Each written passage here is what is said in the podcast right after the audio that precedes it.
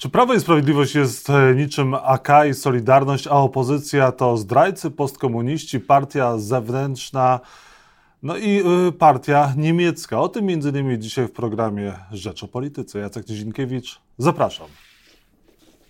A Państwa moim gościem jest Jan Mariackowski, senator niezrzeszony, były parlamentarzysta Prawa i Sprawiedliwości. Dzień dobry, panie senatorze.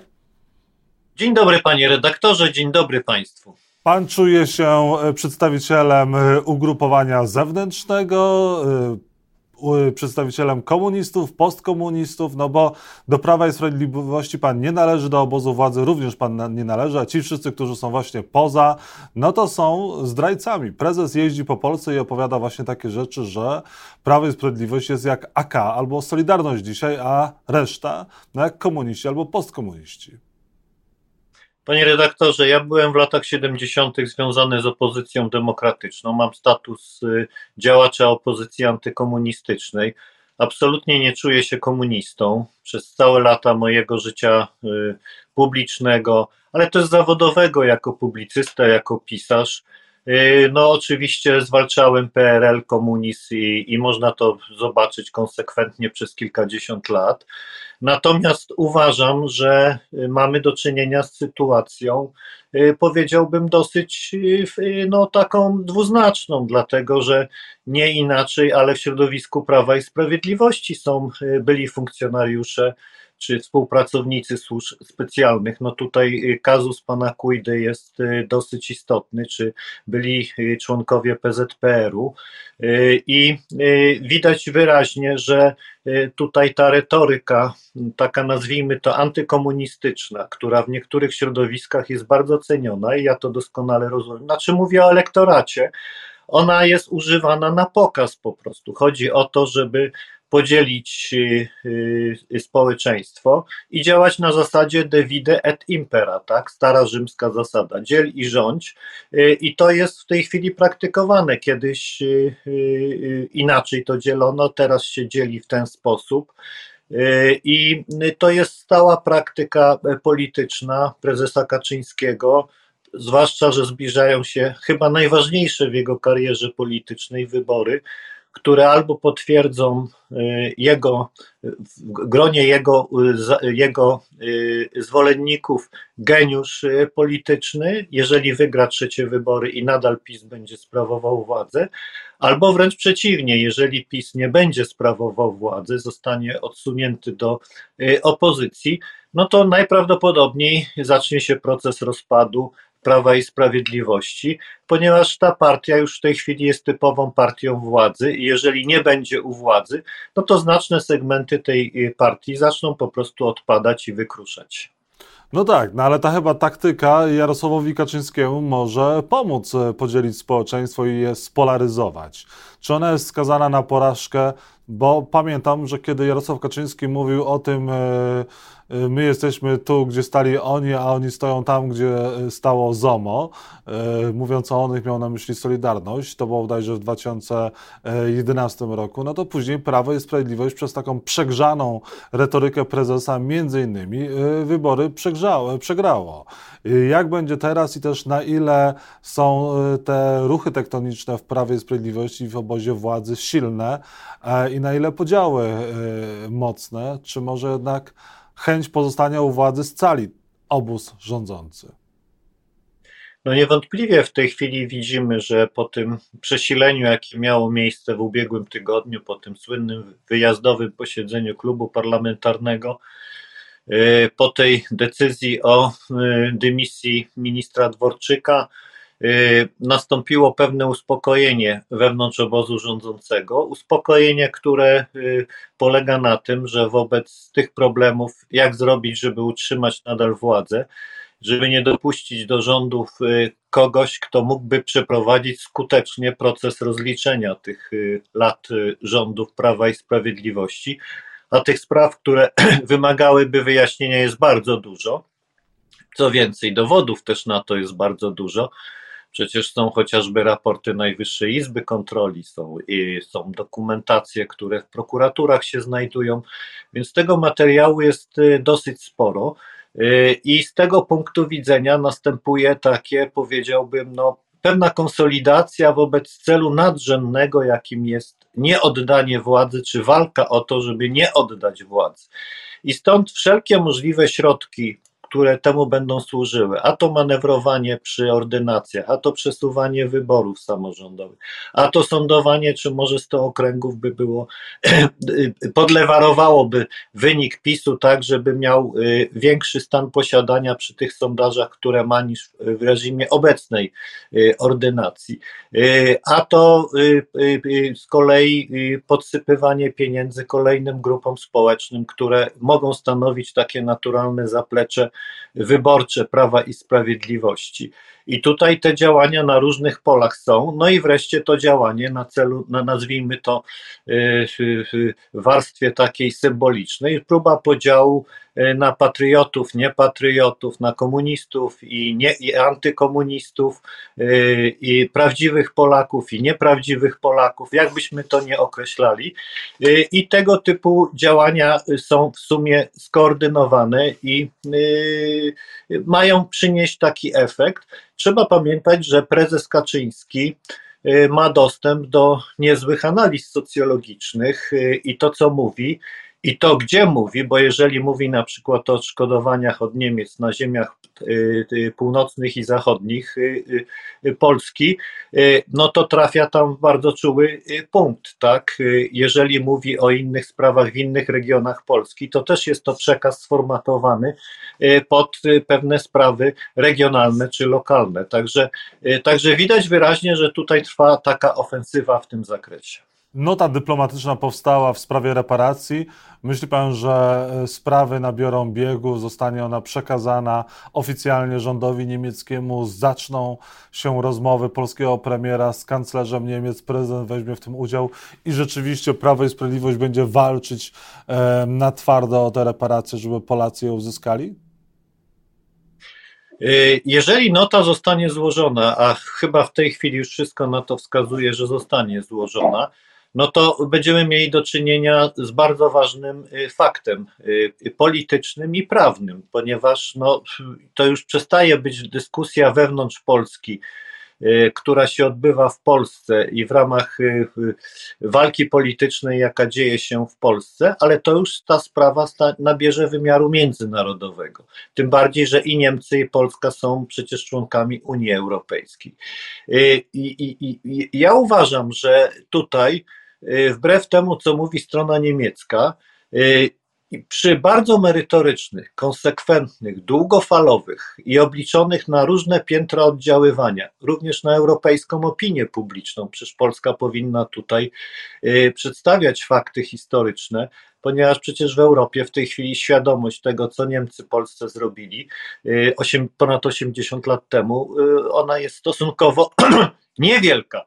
Y, więc jeżeli te działania byłyby długofalowe, skoordynowane, to one y, być może przyniosłyby taki skutek, że nie te 6 bilionów 200 miliardów, ale w jakiejś innej formule y, byłoby być może zawarte porozumienie. Tutaj dobrym przykładem jest sprawa odszkodowań dla robotników przymusowych. Przez lata rząd Bundesrepubliki twierdził, że tutaj się nie należą te odszkodowania, jednak długofalowe zabiegi, dyskusje, debaty, które przez wiele lat trwały, jednak doprowadziły, że choć symbolicznie, w stopniu znacznie niewystarczającym i, i, i rozbieżnym z oczekiwaniami tych, którzy jeszcze wówczas żyli i, i byli e, byli e, tymi robotnikami przymusowymi III Rzeszy, zostały wypłacone, czy ofiarom eksperymentów medycznych. Także tutaj to nie jest tak, że to jest sytuacja y, zero-jedynkowa w tym sensie, że już jest z góry przesądzone, że na pewno nigdy y, tych odszkodowań nie dostaniemy. Tu też trzeba zwrócić uwagę na język, ponieważ czym innym są reparacje, a czym innym są odszkodowania. To się często miesza w debacie publicznej, używa się po prostu jako synonimów tych, y, tych dwóch określeń, a one co innego oznaczają. Bo przecież można powiedzieć, że jeżeli, jeżeli faktycznie Niemcy twierdzą, że reparacje zostały, sprawa reparacji została zamknięta, ale strona polska nigdy nie powiedziała, że sprawa odszkodowań została zamknięta. Mówił między innymi o tym y, Gomułka w momencie, w którym podpisywano y, w 70 roku traktat y, o uznaniu granicy na Odrze i Nysie. Także tutaj ja nie, nie chcę w tej chwili wchodzić w, w jakąś taką de, debatę z punktu widzenia prawa międzynarodowego i sporu prawnego. Nie jestem tu ani kompetentny, ani czasu nie mamy, ani tego nie rozstrzygniemy, panie redaktorze. W każdym razie, y, konkludując, jeżeli polski rząd, czy ten, czy następny, w tej sprawie będzie konsekwentny, długofalowy i w sposób przemyślany i mądry prowadził tę sprawę, jest nadzieja, że jakieś rozstrzygnięcie pozytywne w tym zakresie może nastąpić. Ale podkreślam, to wymaga merytorycznej, długofalowej, konsekwentnej, wielopiętrowej y, działań i przede wszystkim y, prowadzonej nie na użytek doraźnej polityki wewnętrznej w Polsce, ale na użytek y, dobra państwa polskiego w szerszym kontekście. Panie senatorze, zostały nam dwie minuty rozmowy, więc wielopiętrowości w dyskusji musimy unikać. Proszę powiedzieć, a jeżeli chodzi o środki z KPO, czy one są jeszcze w zasięgu polskiego rządu, czy też nie? No i dlaczego premier Mateusz Morawiecki nie dowiózł tematu i jakie powinien konsekwencje w związku z tym ponieść i czy poniesie? No moim zdaniem e, premier Morawiecki zaliczył straszne wpadki i, i ten polski ład słynny, i sprawy z KPO, e, i naiwność, i, no i działanie na szkodę państwa polskiego właśnie w polityce europejskiej. To są bardzo poważne zarzuty w stosunku do premiera. E, tylko ze względu na wewnętrzną sytuację i relacje jego z prezesem Kaczyńskim należy zawdzięczać, należy, może zawdzięczać zachowanie stołka prezesa Rady Ministrów. E, natomiast tych środków, w moim głębokim przekonaniu, niestety, podkreślam, niestety, e, dopóki taka będzie polityka polskiego rządu, tych środków nie będzie. Po prostu nie będzie i myślę, że świadomość tego jest duża i proszę zauważyć, jak się zmieniła narracja. Wpierw to był wielki sukces, największe pieniądze, drugi plan Marszala, w ogóle rewelacja, 770 miliardów złotych ma spłynąć do Polski i Polska będzie krainą mlekiem i miodem płynącą, a w tej chwili się dowiadujemy, że w zasadzie nam te środki są niepotrzebne. Co więcej, co więcej, panie redaktorze, Niedawno przecież prezes Kaczyński mówił, że zmienimy politykę w stosunku do Unii Europejskiej. Zapowiedział, że koniec już takiego miłego dialogowania, jak no to inaczej powiedział, ale taki sens był tej wypowiedzi. I proszę zauważyć, że nic w tej sprawie na razie się nie dzieje tych zapowiedzi, bo był to komentarz, czy to jest droga do polexitu, czy nie. Takie publicystyczne komentarze po tej wypowiedzi były. Dlaczego? Dlatego, że y, Mateusz Morawiecki, godząc się na zasadę warunkowości, czyli pieniądze za spełnienie określonych postulatów czy oczekiwań Unii Europejskiej, dokonał takiego wyłomu i tak pokazał hipokryzję tej władzy, która mówi z jednej strony, że jest za Europą ojczyzn, suwerennych państw, a z drugiej strony najwięcej zrobiła z wszystkich ekip y, rządzących w Polsce, Y, aby tę federalizację przyspieszyć. Traktat lizboński był popierany przez obu y, braci Kaczyńskich w 2008 roku, a więc zmiana sposobu liczenia, osłabienie pozycji Polski na arenie międzynarodowej. Zgoda na KPO, czyli na uspólnotowienie długu i możliwość nakładania przez Unię Europejską wspólnych podatków, y, to, jest, to są kroki milowe na drodze do federalizacji Unii Europejskiej, a propaganda oficjalna obozu obozu rządzącego mówi, że obóz rządzący jest przeciwko federalizacji. Więc to pokazuje pewną hipokryzję. W takim razie, jeżeli powiedział Pan, że premier Mateusz Morawiecki działał na szkodę państwa, to on powinien ponieść konsekwencje, powinien stanąć w przyszłości przed Trybunałem Stanu? No, y, Trybunał Stanu, byłem sędzią Trybunału Stanu y, y, w pierwszej dekadzie tego wieku. Panie redaktorze, postawienie kogoś przed Trybunałem Stanu i skuteczne skazanie przez Trybunał Stanu to jest bardzo skomplikowana, długotrwała procedura, a poza tym odpowiedzialność jest w sumie, no powiedziałbym, w tym zakresie przewinień symboliczna, no to znaczy niesprawowanie funkcji przez 10 lat nie wiem, jak co będzie po wyborach. Y, na pewno będą próby postawienia niektórych polityków, jeżeli oczywiście opozycja dojdzie do władzy i będzie sprawować, co nie jest takie z góry przesądzone, że tak będzie. Y, natomiast y, na pewno będą próby postawienia przed Trybunałem Stanu. Tylko ja przypomnę, że tam potrzebne są kwalifikowane większości w tej procedurze, na przykład trzech piątych w Sejmie. Czy opozycja aż takie będzie miała w decydujących głosowaniach? Tego nie wiem, więc przypuszczam, że bardziej te rozliczenia będą miały charakter po prostu normalnego, normalnych postępowań, a to jeżeli chodzi o spółki, to będą kwestie niegospodarności, albo z kolei zarzuty typu przekroczenie uprawnień, albo no innego e, tego rodzaju zarzuty i będą się raczej toczyły przed instancjami zwykłymi sądowymi. I ostatnie pytanie, proszę o krótką odpowiedź. Internauci pytają, czy będzie pan startował z listy pakietu senackiego, e, czy jako senator niezależny i czy Jarosław Gowin powinien dostać od opozycji szansę i jest wartością dodaną dla e, opozycji? E, ja na razie jestem senatorem niezrzeszonym. E, nie, niezależnym zawsze byłem, ale niezrzeszonym. Znaczy formalnie nie jestem w żadnym klubie i kole poselskim. Zamierzam startować, przynajmniej na razie tak to wygląda, z własnego komitetu. Jest taka możliwość w wyborach senackich.